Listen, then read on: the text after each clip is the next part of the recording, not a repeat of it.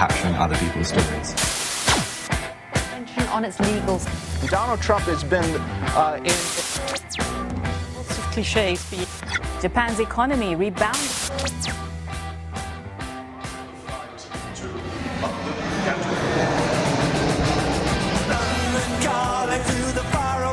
John Carlin, bon dia. Bon día, Roger, ¿qué tal? Com va la vida, John? Eh, bien, muy bien, la verdad. ¿Sí? no tengo mucho en lo personal de que quejarme. Del mundo, quizá, pero Mm.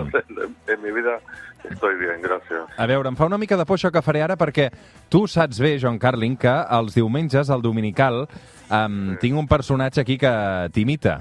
D'acord? Sí. I el cap de setmana passat, amb tot això del Brexit, com que quan vas venir aquí a l'estudi estaves molt, molt enfadat, després el Dominical va passar això.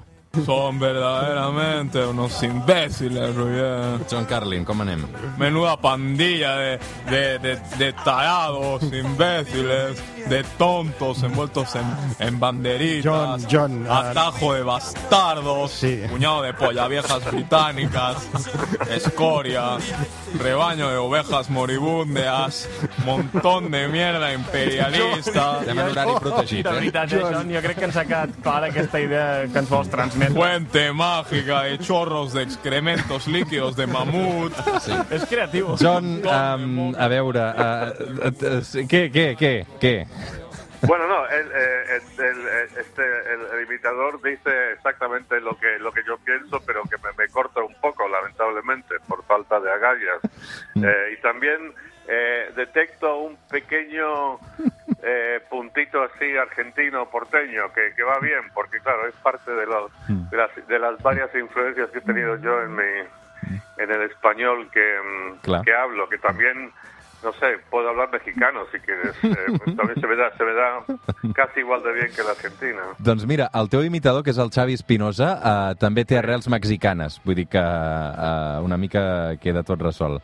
Uh, en qualsevol cas, tenia ganes de compartir també aquest moment per si no l'havies pogut escoltar en directe perquè... No, no, lo- no lo he escuchado, pero me hace mucha gracia. Además, es un halago. Mira, el hecho de que eh, cuando se llega al punto de que la gente te imita así, como me acuerdo que en Los Guiñoles imitaban a, Sí. a Michael Robinson, ¿no? Que, tam- que es, una- es que es que significa que has llegado a un cierto punto de, de notoriedad, lo cual, mira, eh, no me voy a quejar. Molt bé, molt bé. Uh, doncs va, aparco a tot el tema de les imitacions uh, i, i, de fet, també aparco l'humor, perquè a Can Barça no estan per acudits aquests dies. El resultado siempre es lo más importante, pero también son muy importantes, ya lo he dicho, las sensaciones. Y hoy el equipo creo que ha dado un nivel eh, muy bueno. Un nivell muy bueno, però que no ha servit perquè el Barça eh, passés la ronda, en aquest cas, a, a, a la Copa del Rei, després d'una setmana turbulenta, amb Vidal i Messi tirant-se els plats pel cap públicament, i la rematada final doncs, és aquesta eliminació. John, com ho estàs vivint tot plegat? Bueno, mira, eh, ese fue Quique Setién, supongo, ¿no? Sí, l'entrenador, sí, sí. Sí, sí, sí, sí. Bueno, em, el hecho de que él se conforma con que el Barça jugó muy bien ayer, muy bien, eh, no sé, es un poquito alarmante. No fue un partido del que eh, creo que muchos culés habrán disfrutado. O sea, y no solo por resultados. Sí, es verdad que los jugadores le, le echaron ganas, que me imagino que de cierto modo fue una forma de mandar un mensaje de que pese a, a las disputas que hay aparentemente con la directiva, que ellos eh, van a demostrar que, que son fieles a los colores y tal. O sea, es verdad que hubo ganas, pero hoy no hubo acierto frente al gol y siempre hay un punto ahí de, de mala suerte. O sea, faltando 20 minutos contra el Athletic, yo hubiera apostado a cualquier cosa que el Athletic se cansaba y Messi metía un gol, pero no.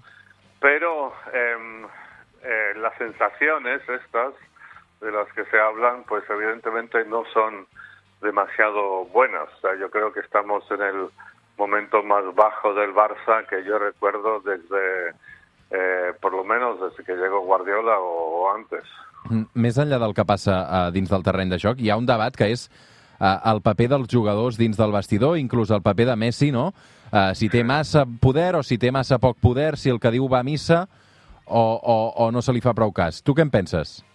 Bueno, mira, eh, lo que yo pienso no, no, no sé si tiene especial valor, aunque sí es verdad que yo hablo con gente que está ahí dentro del, club, que está bastante informada y, y sí, lo que me cuentan es que se ha llegado al clásico punto eh, que, que se suele llegar con, con grandes equipos triunfadores, que de repente los jugadores eh, llegan a tener demasiado demasiado poder y, y mandan, pero es que es una situación muy complicada y por supuesto que la gente le da palos a Bartomeu y a la directiva y, y como también antes a Valverde y se- seguro que ya se los están empezando a dar a, a, a Setién, pero es que la situación objetivamente hablando es súper complicada Eh, y para, para cualquier eh, junta directiva, para cualquier entrenador, em, sé, intentar recuperar primero es- esas viejas glorias. Todos vivimos aquí, los que seguimos el Barça, con esa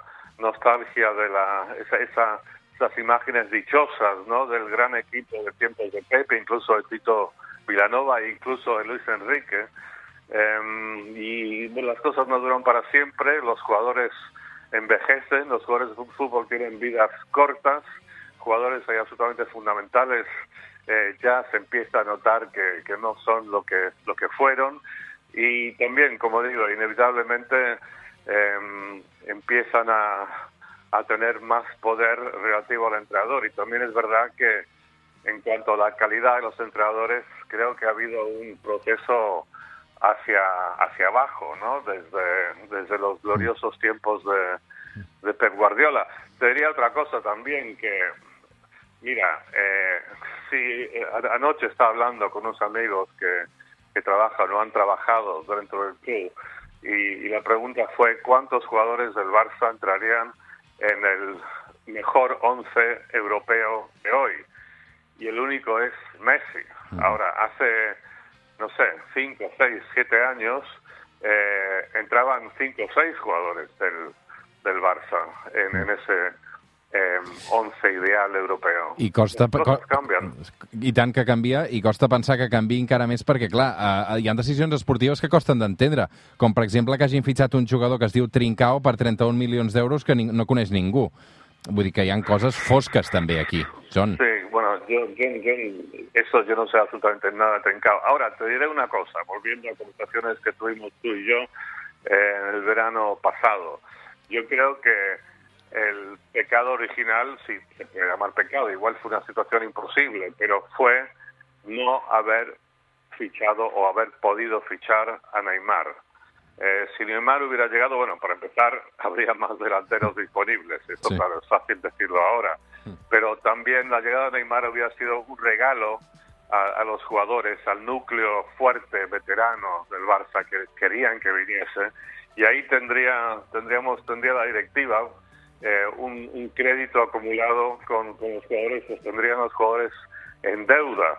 Y aunque, no sé, quién, quién sabe si hubieran jugado mucho mejor o no con Neymar, pero al menos hubiera habido un poco más de, de equilibrio y quizá menos resentimientos dentro de la plantilla hacia, hacia los que eh, aparentemente mandan en el club.